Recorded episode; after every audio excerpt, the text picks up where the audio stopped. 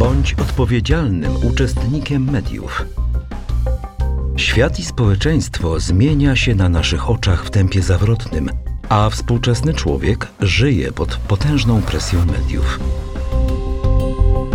Jak przygotować się do świadomego, krytycznego i wartościującego odbioru oraz współtworzenia dzisiejszych mediów? Pomoże nam w tym doktor habilitowana Katarzyna Drąg, dyrektor Instytutu Dziennikarstwa, Mediów i Komunikacji Społecznej na Uniwersytecie Papieskim Jana Pawła II w Krakowie.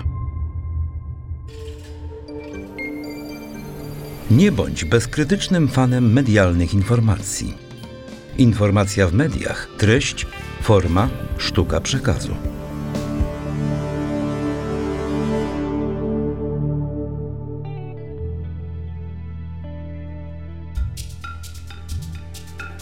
Czym jest informacja?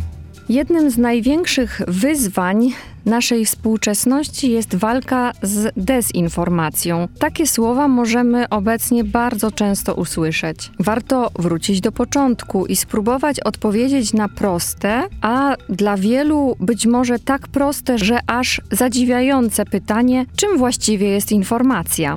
Z jednej strony wszyscy wiemy, co znaczy informacja. Używamy tego słowa na co dzień. Z drugiej strony, zdefiniowanie informacji nie jest w praktyce zadaniem prostym. Uważa się nawet czasem, że jest to pojęcie pierwotne, jak na przykład czas i energia, które nie wymaga definiowania. Słownik podpowiada nam, że informacja to przedstawienie, to to, co powiedziano lub napisano o kimś lub o czymś, także zakomunikowanie czegoś. Najłatwiej jednak opisywać informacje z perspektywy funkcji, które informacje pełnią w naszym życiu. Łatwiej podawać cechy informacji niż klarowną definicję tego pojęcia. Jaka powinna być informacja? Informacja w mediach, każda informacja powinna nie zawierać w sobie śladu wartościowania. Powinna być oczywiście informacją aktualną, informacją adekwatną do kontekstu, taką, której oczekują i potrzebują odbiorcy, ale przede wszystkim powinna być prawdziwa i wytworzona w poczuciu uczciwości. Czyli w tej informacji powinien spotkać się odpowiedzialny i uczciwy nadawca z kompetentnym odbiorcą. Nie zawsze się to zdarza, ale jest to sytuacja najbardziej pożądana. Nadawca produkuje prawdziwy, uczciwy komunikat informacyjny, odbiorca kompetentnie i odpowiedzialnie ten komunikat odbiera i tę informację wykorzystuje dla swojego dobra. Czym jest dezinformacja i jak się przed nią bronić? Wartość wiedzy o cechach, istocie, funkcjach informacji wzrasta wraz z poziomem społecznej świadomości na temat destrukcyjnego wpływu dezinformacji na nasze życie jednostkowe, indywidualne, rodzinne, ale także życie społeczne czy życie polityczne. Dezinformacja jest zjawiskiem bardzo negatywnym. Ma niezwykle destrukcyjny wpływ na nasze życie, ponieważ dezinformacja, czyli nieprawdziwe informacje puszczane w obieg, budzą często strach, burzą wspólnotę, dezintegrują, powinniśmy zawsze pamiętać o tym, że informacja ma bardzo wielką moc. Z jednej strony często to tylko słowa, ale konsekwencją kłamliwej, nieprawdziwej, rozpropagowanej informacji może być to, że na podstawie danej informacji ktoś podejmuje konkretne działania, czyli wychodzi z kręgu tylko mówienia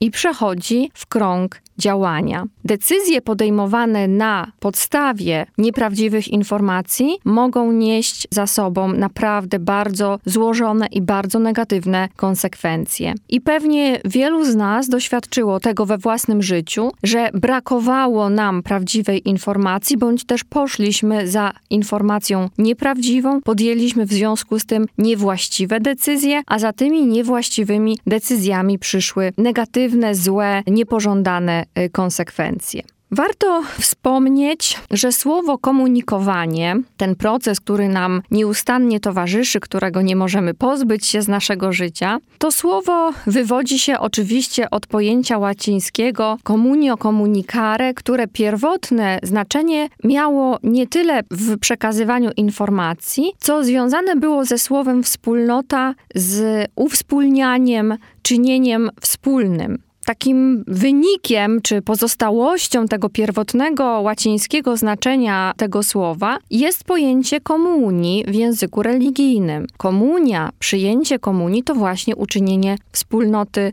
z Jezusem Chrystusem. Dezinformacja jest zatem pojęciem, które ma niszczyć wspólnotę, czyli dezinformując, wprowadzając w obieg nieprawdziwe informacje, zatruwamy mediosferę, zatruwamy relacje komunikacyjne i w związku z tym zaburzamy ten proces czynienia wspólnoty za pomocą komunikowania. Bez komunikowania nie ma w ogóle wspólnoty i nie ma relacji. Czyli jeśli byśmy spędzali ze sobą czas, nie mówiąc do siebie, nie przekazując żadnych komunikatów werbalnych i niewerbalnych, to nawet jeśli byśmy obok siebie spędzili bardzo wiele czasu, to nie nawiążemy żadnej relacji. Komunikowanie jest nam potrzebne do tego, żebyśmy mogli wyrazić siebie i poznać drugą osobę, nawiązać relacje, nawiązać wspólnotę. Dezinformacja ma dokładnie odwrotny cel: podzielić, zniszczyć, zasiać lęk, strach, nienawiść, spolaryzować poglądy, ustawić jednych przeciwko drugim. Więc dezinformacja jest zjawiskiem niezwykle niebezpiecznym, niestety bardzo mocno rozpowszechnionym w naszym zmediatyzowanym świecie, w naszych mediach, które nas otaczają, ale musimy pamiętać, że jest to bardzo duże zagrożenie uderzające w podstawową wartość komunikowania, która tkwi w tym, żebyśmy nawiązywali i mieli ze sobą te międzyludzkie piękne relacje. Dzisiaj bardzo dużo słyszymy o fake newsach, czyli właśnie o wiadomościach, informacjach nieprawdziwych i pytamy siebie, jak przed tą dezinformacją, przed informacją nieprawdziwą się bronić. Oczywiście mamy kilka podstawowych zasad bezpieczeństwa, o których powinniśmy pamiętać. Przede wszystkim nie możemy bezkrytycznie wierzyć temu, co pojawia się w mediach. Pierwsza zasada: sprawdzaj źródło. Nauczmy się tego, by zapoznając się z jakimiś informacjami medialnymi, z jakimiś treściami, wypracować w sobie taki nawyk zerknięcia, kto napisał, kto podpisał, z jakiej strony ta treść została wzięta, jaka redakcja jest odpowiedzialna za ten artykuł, za tę wiadomość, jaka fundacja, jaka organizacja, Skąd ta treść pochodzi? Czy źródło, które jest w niej podane, jest wiarygodne? Czy znam taką redakcję? Czy jest to agencja informacyjna? Czy jest to dziennikarz, pracownik mediów, e, który budzi we mnie jakiś autorytet, którego znam, o którym wiem, że ma doświadczenie? Czy jest to redakcja, którą kojarzę?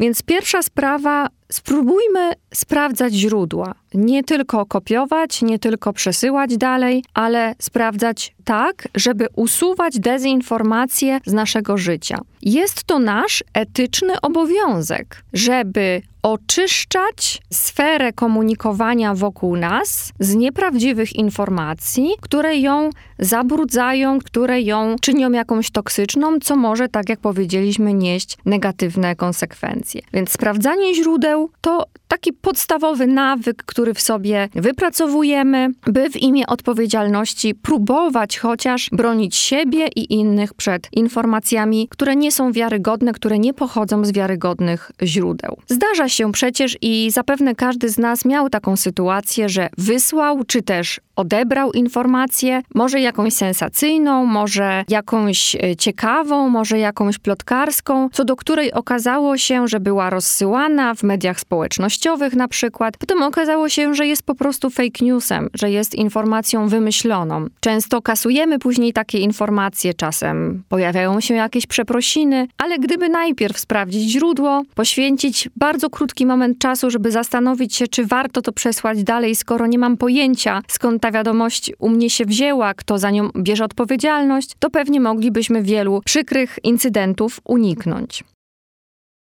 Druga zasada, którą powinniśmy stosować, czy możemy stosować, kiedy chcemy walczyć z dezinformacją i promować taką odpowiedzialną postawę, to jest kwestia niebrania pod uwagę, nie sugerowania się ilością polubień, komentarzy, serduszek, lajków i innych oznak zainteresowania społecznego. One niekoniecznie mogą pochodzić od konkretnych czytających dane treści, mogą być sztucznie wygenerowane i mają służyć tylko temu, byśmy mieli takie wrażenie, że wiele osób tę treść przeczytało, polubiło, zainteresowało się nią, a w związku z tym możemy tę informację niesłusznie uznać za prawdziwą. Więc tu nie sugerujemy się takim być może wygenerowanym nie zawsze w sposób y, prawdziwy i naturalny zainteresowaniem odbiorców daną y, treścią. Prosta zasada, ale może pomóc nam uniknąć przykrej niespodzianki spotkania z y, informacją nieprawdziwą, z dezinformacją i promowania takich treści.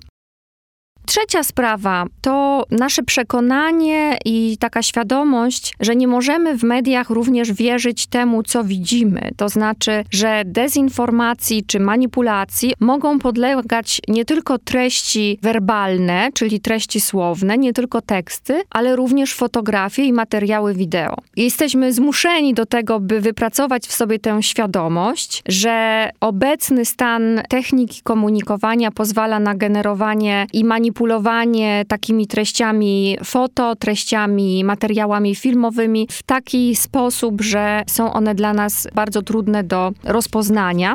W związku z tym zobaczenie jakiegoś materiału czy zobaczenie jakiejś fotografii nie może być dla nas równoznaczne z uwierzeniem w treść tego komunikatu wizualnego, które dane materiały niosą. Czyli ta pewna doza niedowierzania, która powinna nam towarzyszyć, takiego zdrowego niedowierzania w odbiorze treści medialnych, ona powinna towarzyszyć nam również w kontekście treści wideo i treści fotograficznych.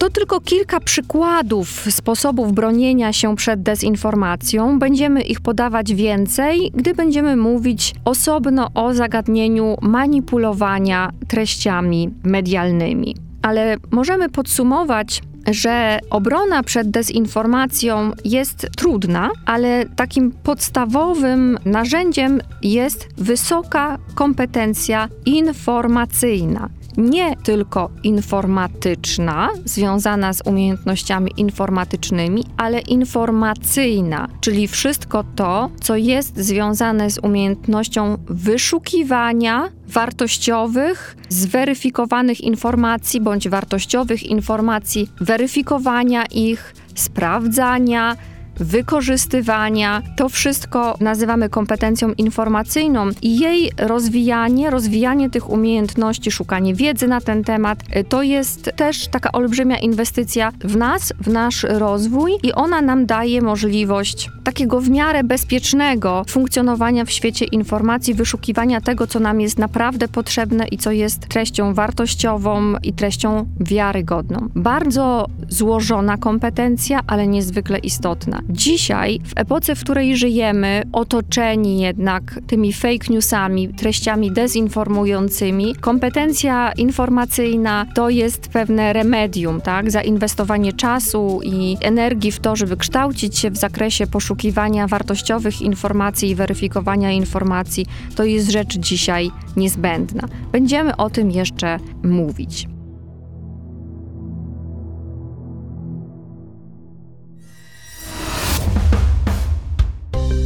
Audycja powstała przy współpracy z Instytutem Dziennikarstwa, Mediów i Komunikacji Społecznej na Uniwersytecie Papieskim Jana Pawła II w Krakowie.